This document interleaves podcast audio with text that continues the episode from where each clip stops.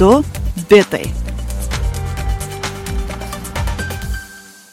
Laidą Dubitai remia vidaus ir išorės vaizdo kameros Ezvis. Ezvis mato už tave. Daugiau informacijos www.ezvislife.lt.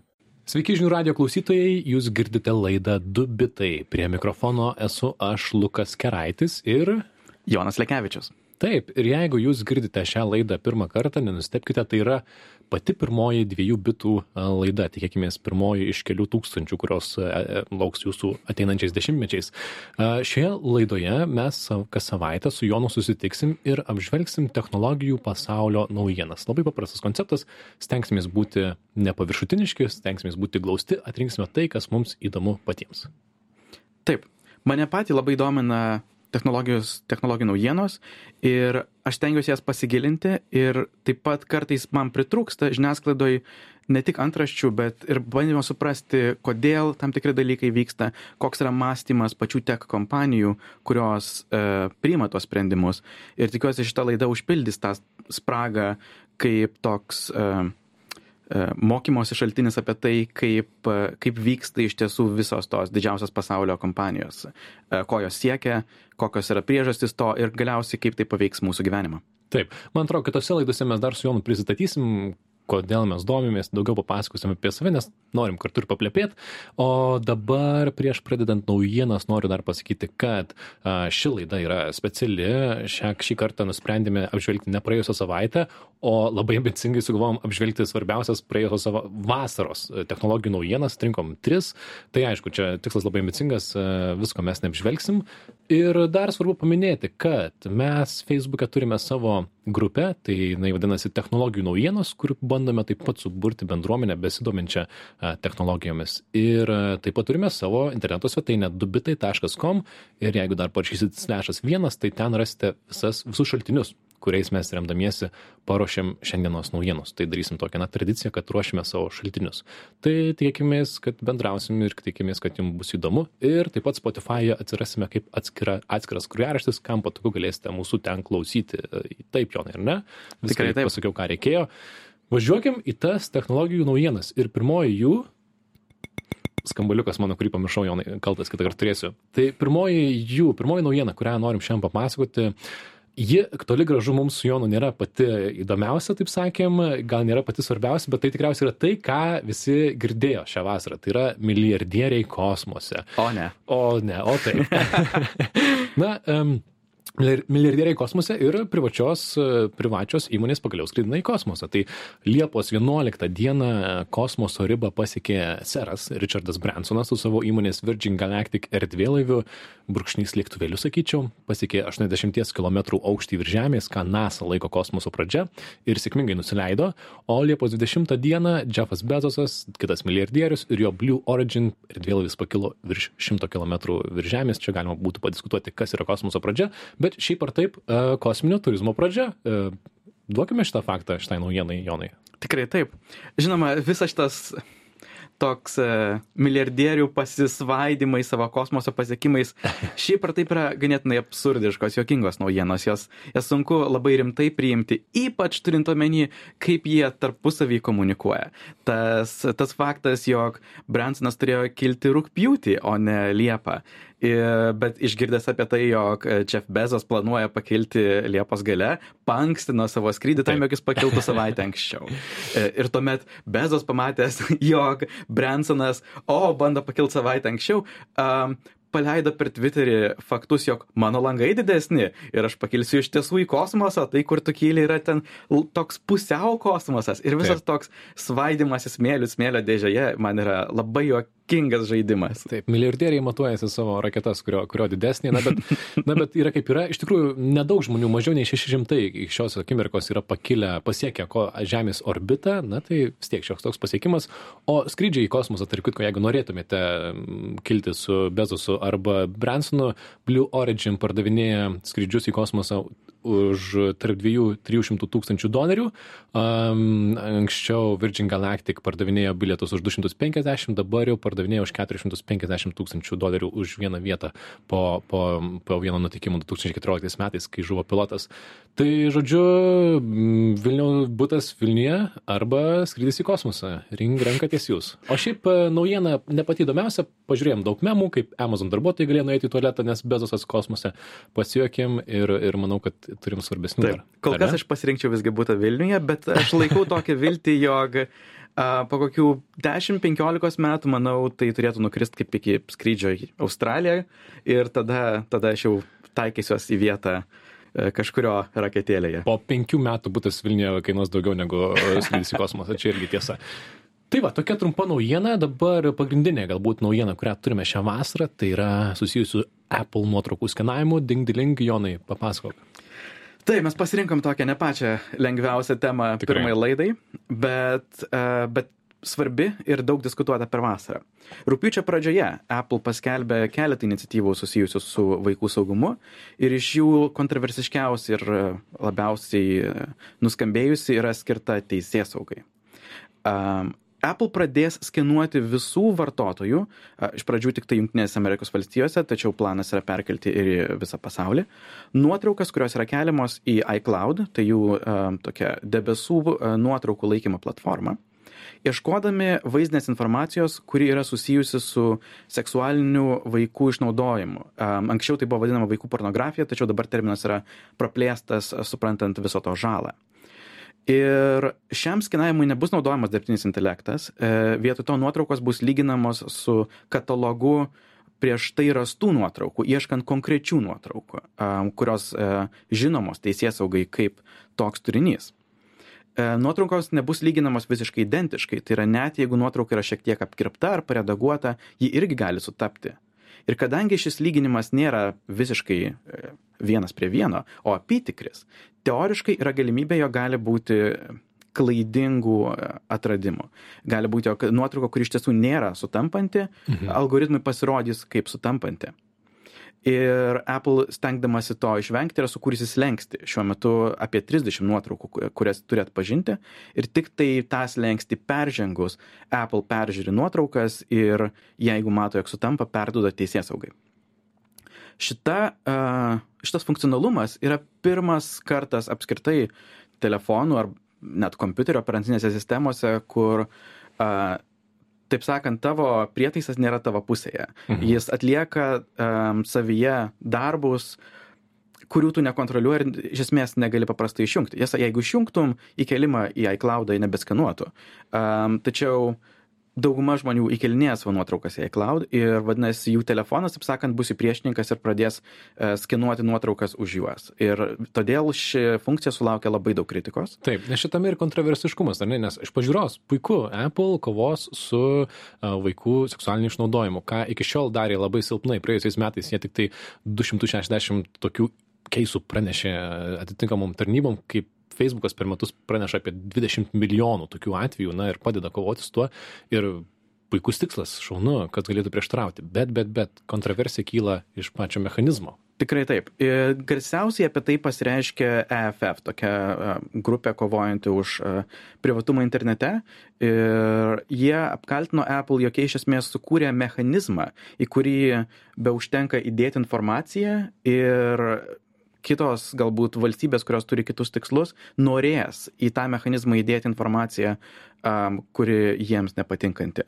Um, galbūt uh, kokia nors šalis uh, sugalvos, jog jiems nepatinka žmogus stovintis prieš tanką ir bandys um, įtikinti Apple, jog jie įdėtų tą informaciją. Apple sureagavo iš tą kritiką ir paskelbė, jog jie pradės kiekvienoje šalyje lygins bent kelių šalių katalogus ir tik tai jų persintengimą bandys atpažinti. Tai yra, pavyzdžiui, galime įsivaizduoti, jog jeigu tai įsijungs Lietuvoje, galbūt lygins su Lenkijos, Lenki, Latvijos ir kitų šalių katalogais ir tik tai persidengiančios nuotraukos bus atpažįstamos, tikintis tokiu būdu apriboti autoritarinių valstybių galę. Taip, nes man atrodo, duokim pavyzdį, dėl, na, ko baiminamasi. Ko baiminamas yra to, kad, nežinau, ateis kažkokia autoritarinė valstybė ir sakys, ei, Apple, jūs jau turite mechanizmą, kuriuo, kuriuo skenuojate visų iPhone naudotojų nuotraukas, esame labai labai daug telefonų ir labai daug naudotojų, skenuojate visas jų nuotraukas ir ieškote ten, na, nuotraukų su seksualiniu vaikų priekabiavimu, mes norėtume, kad jūs ieškotumėte ten nuotraukų su praėjusio savaitgalio protestų dalyvių ar ne vaizdais. Taip, Kažkas arba su. Žinpin ir Mikė Pukotuku. Taip, arba su kažkokiais dalykais, kurie tiesiog yra saugomi autorių teisų, studentas parsisintė kažką, nusiskrinšotino, kas yra autorių teisės ir um, yra mechanizmas, kaip tai sugaudyti. Taip. Vienas iš įdomių aspektų šitoje istorijoje yra, jeigu Apple tikslas yra, taip sakant, pagauti blogiukus, kurie iš tiesų turi šitą pačią klaikiausią inter- informaciją, kokią galima turėti, kodėl skenuojamos tik nuotraukos, kurios ir- yra įkeliamos į iCloud, o ne visos nuotraukos? Kodėl, taip sakant, yra toks paprastas būdas išvengti šito skenavimo? Mhm. Ir to atsakymas yra, Apple bando truputuką užbėgti prieš reguliacijas, nes jau šią savaitę ES paskelbė, jog jie ne tik reikalaus atradus tą informaciją uh, priduoti tarnyboms, tačiau aktyviai reikalaus visų servisų ieškoti tos informacijos. Mhm. Šiuo metu dar Mhm. tokio reikalavimo nėra. Ir Apple tikslas šiuo atveju nėra tiesiogiai gaudyti blogiukus, bet nuimti nuo savęs šią atsakomybę. Jog jie Ah. tiesiog turėtų būdą, kaip priduoti tos žmonės, kada jie pradės šifruoti a, atsarginės kopijas ir nuotraukas. Aha, supratau, nes čia iš esmės tokia, ta, ta naujiena yra tokia, kad štai jau mes geri, ką mes gero darome, bet iš esmės mus taip pat privers tai daryti. tai to jau taip priversta daryti. Čia kaip Lietuvoje su, su maišeliais daugkartinio naudojimo ir prekybos centrai pasiskelbė, kokie jie geri, nors Taip. iš tikrųjų tai juos privertė Europos Sąjunga. Um, tai va, kontroversiška gana naujiena. Taip. Su tuo susijusi mažiau kontroversiška funkcija, kurią jie išleido, yra skirta ne teisėsaugai, o tėvams.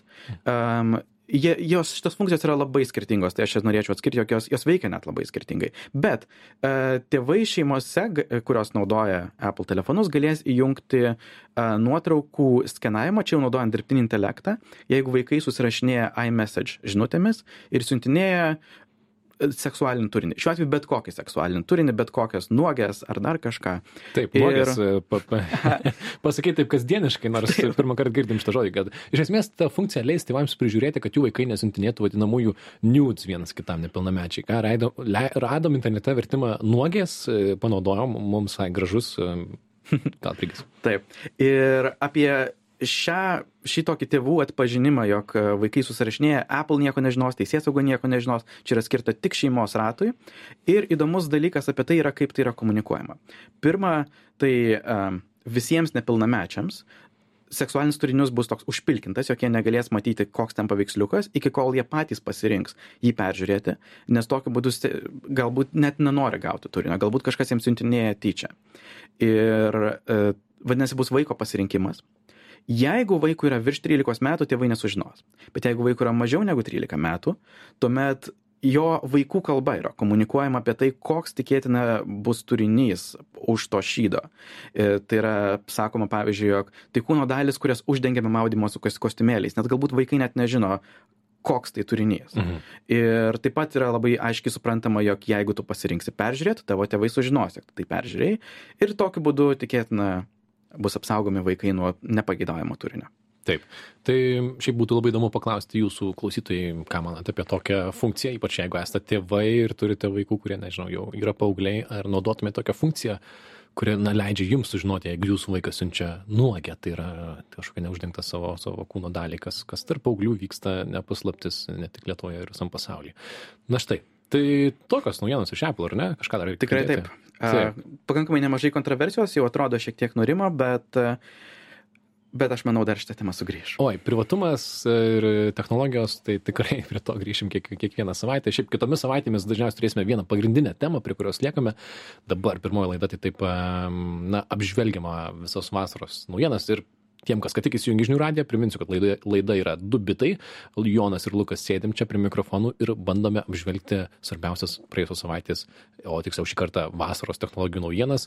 Turime dar vieną, kurią atrinkau. Aš pasiūliau kažkaip apie seksualumą šį kartą kalbame, nespecialiai, neįsileisime į vien tas temas, bet, bet noriu papasakoti apie OnlyFans. Ir kas žino šitą platformą, galbūt jau šiek tiek kikena, nes jis turi tokią jokingą um, reputaciją. OnlyFans platforma yra platforma, brūkšnys socialinis tinklas, kaip, sakykime, Patreonas tik suaugusiam turiniui, jeigu labai trumpai paaiškinti. Jie susikūrė 2016 metais ir pradžioje tiesiog galėjai kelti savo video turinį ir jį paslėpti po mokėjimu. Tai yra, jeigu nori matyti, turi mokėti ir pradžioje ten visi ėjo ir fitneso treneriai ir kas tik tai nori, bet palengva OnlyFansai yra garsus vien dėl savo suaugusiems skirto seksualizuoto turinio. Keistų dalykų ten yra, yra kas, pavyzdžiui, gali sumokėti turinio kuriejai, kad jinai atidarytų uh, duris uh, picą atsimdama nuoga. Gali per ten nusipirkti vonios vandenį, kuriame kažkas maudėsi. Belė, delfinė, tokia vartotoja ten maudėsi. Na, žodžiu.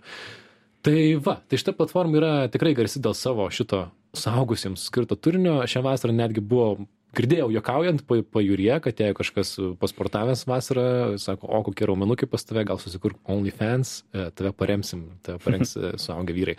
Tai toks prastas juokelis. Bet, žodžiu, kame įdomus, kad visai nesnai OnlyFans um, nusprendė, turinti jau 50 milijonų registruotų vartotojų ir 1 milijoną turinio kuriejų, nusprendė, kad uždraus visą seksualizuotą saugusių turinį. Kas geras palyginimas yra, tai čia tarsi McDonald's nuspręstų nebepardinėti hamburgerių.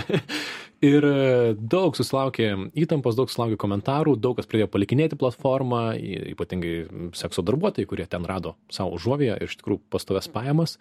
Ir OnlyFans užtruko tris dienas apsigalvoti ir sakyti, hei, uh, gerai, atšaukiam, ne, bus seksualizuotas turinys. Tai, žodžiu, visai jokinga istorija, kai... Taip. Aš kai išgirdau apie šitą naujieną, man tikrai pirma reakcija buvo tokia korporatyvinė savižudybė, Taip. kai tu turi sėkmingai važiuojantį verslą ir pats teoriškai iš pradžių atrodė, jog jie patys sugalvojo, na tiesiog e, nužudykime tą savo pinigus gaminančią karvę ir um, tiesiog už, už vos nenuspręskime bankrutuoti. Um, iš tiesų vėliau paaiškėjo, kodėl jie pers, pergalvojo savo, savo strategiją, tai nebuvo jų pačių norų. Um, spaudimas iš esmės atėjo žemyn nuo Mastercard. Mastercard uh, kaip platforma pinigų perdavimui nusprendė, jog jie nori reguliuoti, kam jie gali būti naudojami ir ko jie tikisi iš platformų, kurios turi seksualinį turinį, jog jie nori, jog visas turinys būtų moderuojamas ir visi atlikėjai, sekso darbuotojai tuo metu um, būtų patikrinami, jų tapatybės ir visa kita, kas iš esmės yra teisingos uh, teisingi sprendimai. Mhm. E, žinoma, jog būtų labai gerai, jog turinys tikrai būtų patikrinamas, jog nepatektų nelegalaus turinio. Um, tačiau tokiai platformai kaip OnlyFans, kuri būtent kaip pavadinimas sako, fanai tiesiogiai bendrauja su Taip. atlikėjais, moderavimas yra neįmanomas. Ir nors kitos pornografijos platformos galėjo išsisukti nuo šitų reikalavimų, OnlyFans tai buvo praktiškai mirties nuosprendis. Ir kai jie pasakė, jog uh, ne, mes juokaujam, mes persigalvojam, mes nedarysim šito pakeitimo. Jie neįvardino konkrečiai, ką jie išsprendė, tačiau būtent jie įvardėjo, jog jiems pavyko kažkokiu būdu užsitikrinti su mokėjimais susijusias teisės, nes būtent tai būtų juos pražudę. Mhm. Ir nepamirškim, kad, na, milijonas ar bent pusė milijono uh, pornografijos aktorių, įvardinkime taip, kaip yra, ir, ir kiti žmonės ten turėjo savo nuolatinius darbus. Ir vieną dieną tiesiog atsikeli ir sužinai, kad platforma pakeitė savo politiką ir dabar tau turinio neleis. Čia kaip Patreonas žmonės nuspręstų vieną dieną, kad hei, mums nepatinka humoras, nebus humor, humoristų pas mus, o kažkas ten trejus metus kūrė viską, dirbo, kad, na, gautų iš to pinigų. Ir šiaip jokinga, kiek šitą istoriją primena Tumblr istoriją, kas dar atsimena, 2018 metai, Tumblr toksai senas socialinis tinklas, mikroblogų platforma, kuriame taip pat trečdalis turinio iš esmės buvo susijęs su pornografija ir jie taip pat nusprendė visą ją uždrausti, ką visi sakė, čia yra šūvis savo į koją, tą iliustruoja tai, kad 2013 metais Yahoo nusipirko Tumblr už 1,1 milijardo dolerių, o 2019 metais po to pornografijos uždraudimo Verizon pardavė jau tą Tumblr už 3 milijonus. Tai yra, na, už milijardą nusipirki, už 3 milijonus parduodi. Tai, žodžiu, įdomu kartais stebėti, kaip e, platformos šaudosi savo į kojas ir kartais ir prisiminti, kiek daug interneto yra apie saugusiems skirtą turinį. Kažką iš to tikrai išmokom, ar ne? Tikiuosi taip. Tikiuosi ir aš. Ir netgi netikėtai visai, ne, man atrodo, mes abu nesitikėjom, kad dar turime vieną minutę paskutiniai naujienai, kuri irgi yra ne pati svarbiausia, bet galvom, kad nespėsim, bet jeigu spėjom, tai paminėkim, ar ne, kad um, Tesla botas, kas girdėjote apie tai um, prieš kelias šias savaitės, Tesla AI dienos metu, rūpjūčio pabaigoje, Elnas Maskas, garsusis milijardierius verslininkas, paskelbė, kad Tesla kurs universalų robotą humanoidą kad ir kaip tai ambicingai skambėtų, jeigu matėte tą pristatymą, suprasite, kad tai toli gražu nėra. That's basically a joke. E, iš esmės e, pasakė šitą faktą, ant scenos užlipo dubstepui skambant aktorių su kostiumu, pasimaivė, nulipo ir tiek. Ir, na, bet Elnas Maskas pažadėjo, neva Tesla gamins humanoido robotą universalių funkcijų, kuris atrodys kaip žmogus, paskelbė, kiek jisai svers, koks jo ūgis ir tiek. Tai mano nuomonė yra tokia. App, e, Tesla turėjo renginį pristatyti savo AI pasiekimus ir jie iš tiesų pristatė fantastišką pasiekimą, savo naują e, mikroprocesorių architektūrą skirtą būtent dirbtinio intelekto treniravimui. Bet kiek naujienų portalų būtų aprašę apie naują procesorių architektūrą. Maskui reikėjo naujienos, kurią visi aprašytų, o ką žmonės myli, e, ką žurnalistai myli labiau negu humanoidinius robotus. Tai mano nuomonė, Maskas tiesiog iš kišenės ištraukė šitą naujieną ir aš drąsiai lažinčiausi, jog mes per penkis metus nepamatysime šito roboto, jis bus dar vienas iš Masko pasvajojimų, kuris niekada nepataps realybę. Taip, nors pažadėta buvo, kad kitais metais jau pamatysim prototipą. Tai... Aš to labai laukiu ir nesitikiu. Ir aš nesitikiu, šiaip, jeigu sekame Elono Masko pažadus, kiek jie dažniausiai nusikelia, tai Na bet, na bet ačiū šiaip palinksminimą Elonai, jeigu mūsų girdėjo, jeigu mūsų klausais, tai dėkojom tau. Ir e, tikriausiai dėkojom visiems, kas šiandien mūsų klausė. Du bitai laida apie technologijų apžvalgas prieėmė pabaigą, tai buvo pirmoji mūsų laida. Jeigu norite, parašykite mums, kaip mums sekėsi, sekite mus Facebook'o grupėje technologijų naujienos, tokiu pavadinimu, galite pasiūlyti savo technologijas. Visi mūsų šaltiniai yra interneto svetainėje dubitai.lt ir .com, .com, brūkšnys vienas. .com, dubitai.com, bei, bei, bei sekite mūsų Spotify, ar ne, Jonai? Tikrai taip. Gerai. Iki kitos laidos. Ačiū. Lukas Kiraitis, Jonas Lekevičius, dubitai atsisveikinam. Iki. Du bitai. Laidą Dubitai remia vidaus ir išorės vaizdo kameros Ezvis. Ezvis mato už tave. Daugiau informacijos www.ezvislife.lt.